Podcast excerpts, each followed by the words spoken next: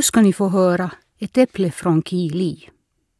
Ett äventyr för hela familjen av Irmelin Sandman Lilius.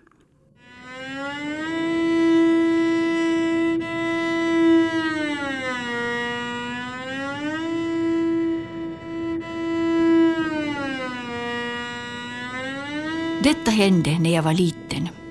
Vi bodde i Helsingfors, vid Främlingsgatan, och det var krig. Det var ont om mat och kläder. Det var ont om nästan allting, också om bostäder. Eftersom så många hus hade blivit sönderbombade. Det var gott om tiggare. De gick runt överallt i stan och ringde på hos folk. Något. Jag har blivit hemlös. Tar väl fru lite gamla kläder åt mig. Någonting att äta. Vad som helst duger. Någonting att äta, vad som helst duger. Jag har blivit hemlös. Mamma försökte alltid ge dem någonting. En smörgås.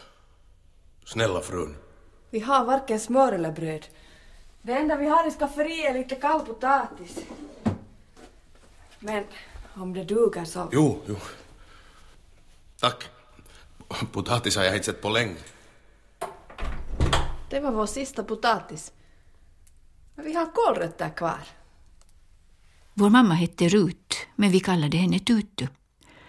Hon arbetade på en organisation som hette Talko-ungdomen och hon reste omkring och höll föredrag om hur man bäst skulle kunna ta vara på allt, samla skrot och lump. Återanvända, som det heter nu för tiden, att göra nytt av gammalt. När hon var ute på landet med sina föredrag fick hon ofta betalt i mat istället för i pengar. Det är alltid så spännande när hon kommer hem. Ibland har hon ägg med sig. Eller mjöl så vi kan baka. Och ibland har hon nya lekar med sig. Minns du när hon hade lärt sig leka sälja tyg? Det var en pantlek.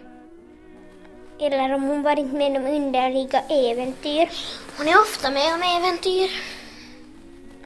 Jag minns en förfärligt grå och kulen och blåsig och otrevlig senhöstdag. Vinden låg på från sydost, rakt från södra hamnen. Det drog genom alla fönsterspringor och genom springorna runt balkongdörren. Nej, hu vad det här känns ruskigt. Jag måste ha varmare på mig. Vad gör du? Tar du ljusrena morgonrocken och man på dina andra kläder? Den är stoppad och varm. Den är från tiden före kriget. Den är av äkta siden. Men vad ska jag ha på huvudet? Den här sammetsbiten. Du har alltid sagt att du någon gång ska sy en hatt av den. Men den är ljusgrön. Tycker du faktiskt att ljusgrönt passar med ljusrött? Vad fint. Jo, det blir fint som en sagofru. Jag har ingenstans till vara. För mitt hus är sönderbomberat och ingenting till ät. Och fryser det gör jag. Se, se, mina strumpor är, är, är riktigt trasiga. De är alldeles trassiga. Och hennes kängor också. Det är gamla tygkängor. Hon låter otrevlig. Kom in bara. Hon är olycklig. Men hon är otrevlig Stig också. på så länge. Jag ska se efter vad jag har i mitt skåp. Tutu hade ett särskilt skåp med saker att ge bort. Stort hem frun har. Ett rum per man, men barnen bor i samma. Och min bror bor här när han är hemma på permission. Det är mycket mer än ingenting. Ja, Här, här frun som är så rik och fin strumpor till ge mig. nej, men jag har stoppgarn. Här varsågod. Och så kan ni få ett paket kaffesurrogat. Är det allt? Jag tycker mer om te. Vi har inte sett det sen förra året. Vi använder torkade lingonblad istället. Och hallonblad och rönnblad och svartvinbärsblad. Jag skulle ge mycket för lite äkta starkt te. Och jag skulle ge mycket för ett äpple. Jag vet var det finns både äppel och te. Jag med. I länder där det inte är krig. Jag ska se efter om jag har något mera. Jag tror det ska finnas några askar sakarin. Och ett par påsar med lingonpulver har jag. Va? Har hon gått? Hon gick in i vardagsrummet. Hon står och tittar på den där mattan som du inte tycker om. Det var helt enkelt en hård och styv ylleväv i blått och rött och gult, bredrandig och med underliga figurer i ränderna. Den krullade upp sig i kanterna. Man snubblade lätt på den. Det är ju en Kili-matta. En matta från Kili. Hur har hon fått tag i den? Det tycker jag faktiskt inte angår främmande. Men min svärfar gav den åt mig och min man när vi var Och hur nygifta. fick han tag i den då? Det vet jag inte. Här är nu lite lingon. Fråga honom. Han är död. Och jag tycker... att- Lever änkan? Kan hon fråga henne? Ursäkta, jag höll på med att arbeta just när ni kom. Jag satt och skrev och nu måste jag fortsätta. Vill ni vara vänliga och gå? Ja, ja, strax. Men ge mig mattan. Va? Mattan? Varför skulle jag ge er den? För jag vill ha den. För att hon själv egentligen inte vill ha den. Hon skulle säkert med stor gärna byta bort den mot ett äpple. Håll hon sitt gamla stoppgarn och de andra skräpet bara. Jag får mattan behöver jag inte något mer. Och, och då kan jag ge mig av. Hoho! Annars stannar jag här. Tutu var författarinna. Hon tyckte om ovanliga människor och märkvärdiga sammanhang. Det var därför hon trivdes så bra med att resa omkring och träffa olika sorters folk. Hon tittade på gumman. Det skulle bli besvärligt i längden att ha er här. Just det. Var finns Kili? Det kan hända att mattan vet vägen. Är det viktigt för er att komma dit? Nå, vad skulle jag annars stå här och jamsa för? Eh, Se, det gäller att komma fram först. Det finns fler än jag som vill dit. Och kommer det fel sorts folk dit först, då går det illa. För då blir det fel.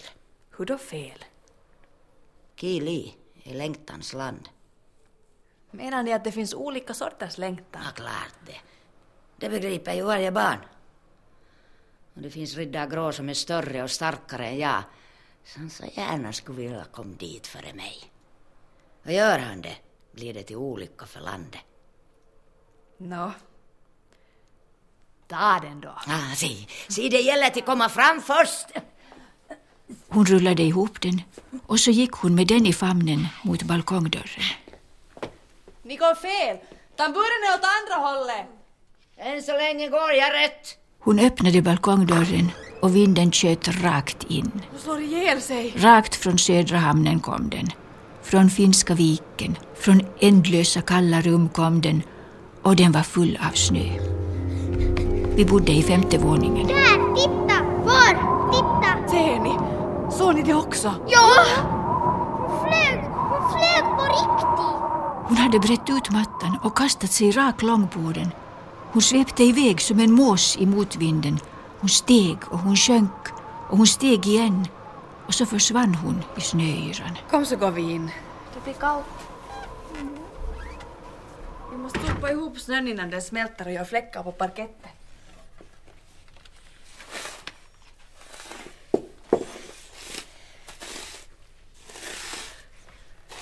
Drömde vi månne det här?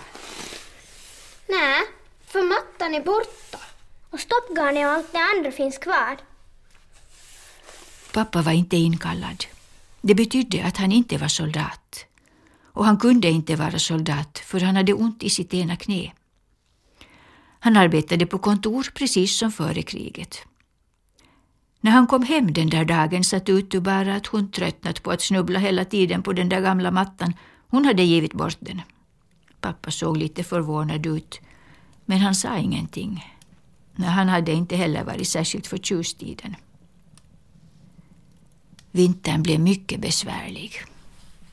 Hela tiden händer sorgligheter. För att det är krig. Och jag fryser, jag fryser hela tiden. Och jag med. Och jag är hungrig. Jag skulle vilja ha en smörgås.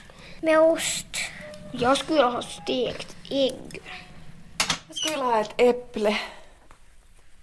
Man kunde inte alls köpa frukt i butikerna.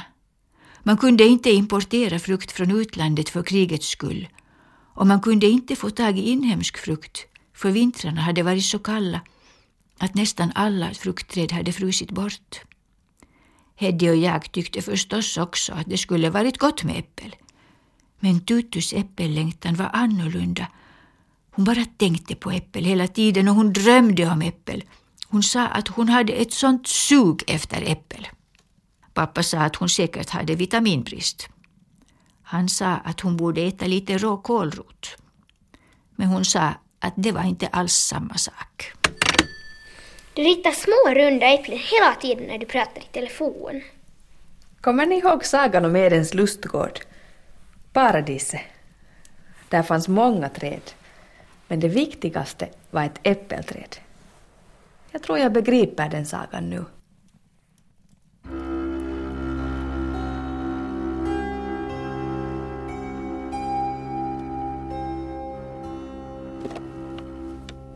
Vad gör du? Packar du? Ja, jag ska ut på en föredragsresa igen. Vad ska du tala om den här gången då? I höstas talade du om att plocka svamp och nypon och blad och sånt. Nu ska jag tala om handarbete. Hur man stickar strumpor i spiral så de håller bättre. Och hur man syr om kläder. Blir du länge borta? Varje gång hon skulle resa frågade vi Blir du länge borta? Och varje gång svarade hon nej. Men det kändes alltid långt. När hon var borta gick dagarna på lika samma vis. Vi spelade kvarnspelet med pappa och han försökte lära oss spela kort. Vi lekte och vi ritade, men hela tiden, hela tiden väntade vi på att hon skulle komma tillbaka. Jag är hemma igen! Mamma, mamma! Oj, mina söta små råttor, nu är jag hemma igen. Och ni kan inte tro ett sånt äventyr jag har varit med om. Berätta! Jag vill ha te först. Lingonbladste.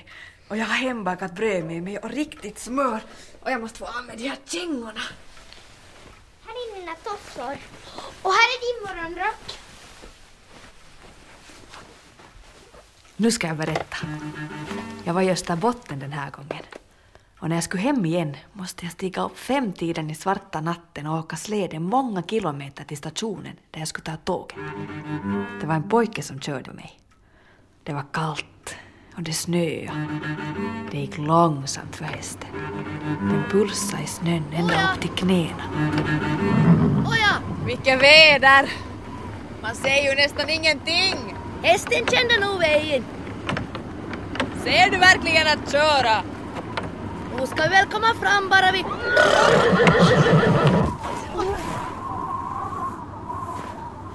Såja. Såja, upp med det nu. Upp med det. Men bocka på! Jo, jo, jag försöker. Bocka på! Så vänder jag slädan. Klarar du det?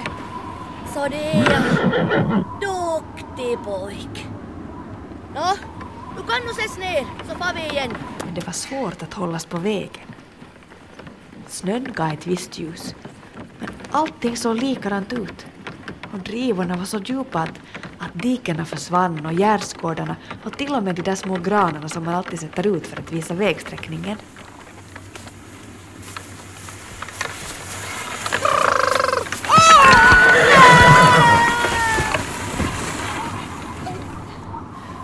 Upp med det nu. Och så det. Och ännu lite till. Jag ska stoppa på!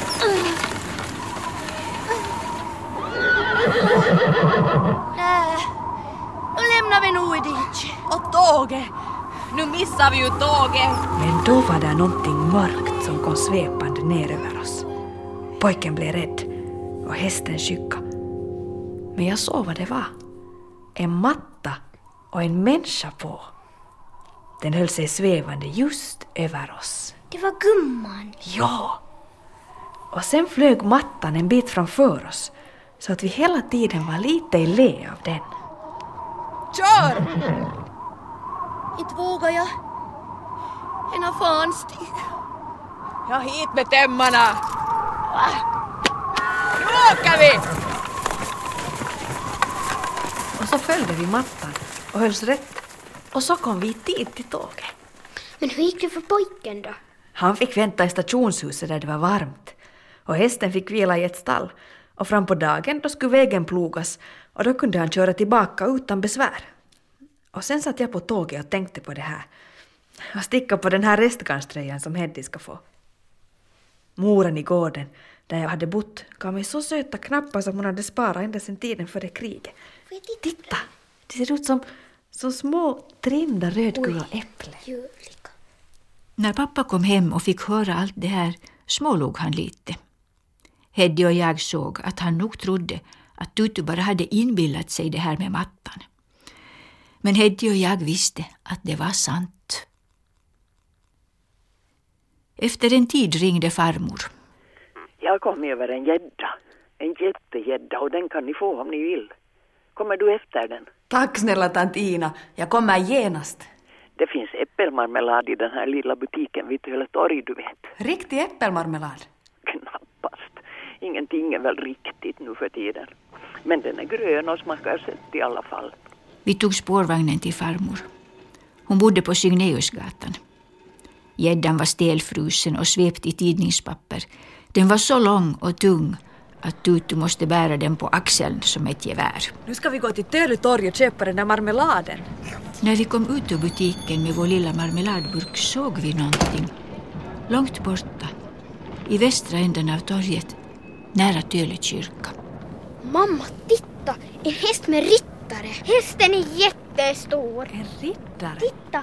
Han har en mantel av silver och ett spjut i handen. Vad är det för ett djur som står där bredvid? Det är ju randigt! Gult och rött och blått. Och på ryggen sitter... Vi kunde inte se riktigt tydligt, för det började skymma.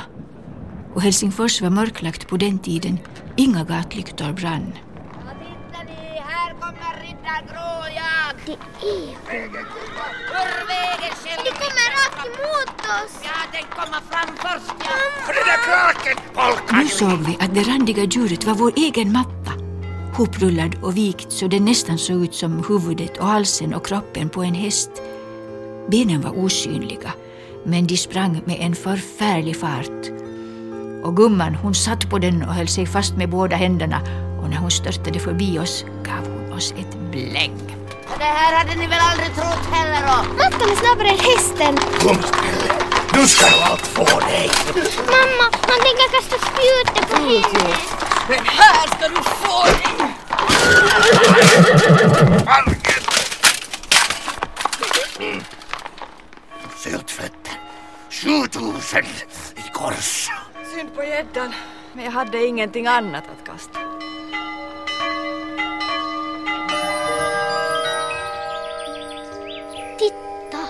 Kan inte vara sant. Nu är det. Det här är Kili. Och här är alltid sommar. Kili.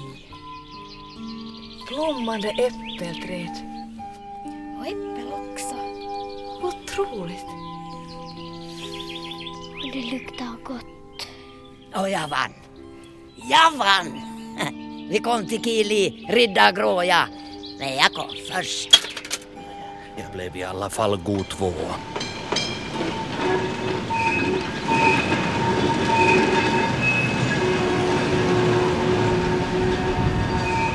Vart tog gäddan vägen? Där! Där på gatan. Oj då. Pappret har gått sönder. Hon plockade upp den och folk tittade lite förvånat på henne. Sen tog vi spårvagnen hem. Lite senare blev det snöstorm. Det var rysligt kallt inne hos oss. Tutu gick i skidbyxor och tröja med morgonrocken ovanpå. Heddy och jag hade dubbla tröjor och en sorts tygkängor som kallades talluckor. Och de var sydda av farfars brudgumsfrack. Vad var det? Det är någon ute på balkongen. Det är väl aldrig fru Johansson som har trillat ner? Johanssons bodde i våningen ovanför oss. Det är gumman! Nå. Äntligen kommer hon. Inte är hon fort färdig av sig. Det kom så oväntat. Nej, jag vann ju. Frun såg ju själv att det var jag som kom först till Kili. Den där riddar Grå som jag mötte på vägen, han försökte också. För det är så att den som kommer först blir härskare där. Ja, jag är drottning nu. Jag är drottning Gyllene Ros av Kili, jag. Och det var tack vare mattan eran, så nu måste jag väl säga tack för den. Där i Österbotten då? hur- Över hela landet har jag sökt. Kili kan finnas lite var som helst. Och det är svårt att hitta. För det är osynligt tills man kommer fram. Så förstås är jag glad att hon var med kvick i tagen när vi råkades där på torget och för att hon hjälpt mig, fast jag fick tjata henne till det. Och för det så ska hon nog få sitt äppel. Hon har ljusröd klänning under kappan och genom hålen i strumporna glittrar Vänta lite! Jag ska tänka på er nästa gång som jag sitter och dricker te. Flickor, sopa upp snön innan den smälter. Håll det här. Vänta! Vänta! Hon är borta. Alldeles försvunnen. Men det borde jag ju ha gissat. Mm, vad det luktar gott. Mm, äppel. Och vad tror du att pappa kommer att säga när han får höra om det här? Jag vet. Han säger, Natutu, du är ju sån. Men tror du att gumman kommer att komma tillbaka? Kanske hon gör det. När pappa kom hem hörde han på allt vad vi hade att berätta. Och så sa han precis som vi hade tänkt. Just vad man kunde vänta sig. Men hur ska vi begå detta goda äpple? Han menade att vi inte bara skulle vardagstugga det i oss. Efter middagen skar Tutu det i fyra bitar. Vi fick alla var sin bit. Och vi åt mycket långsamt. Tutu samlade ihop alla kärnor. Vad ska du göra med dem? Plantera dem. Blir det ett äppelträd? Man vet aldrig vad det kan bli. Kanske det blir ett sagoträd. Ett träd med sagor från Kili.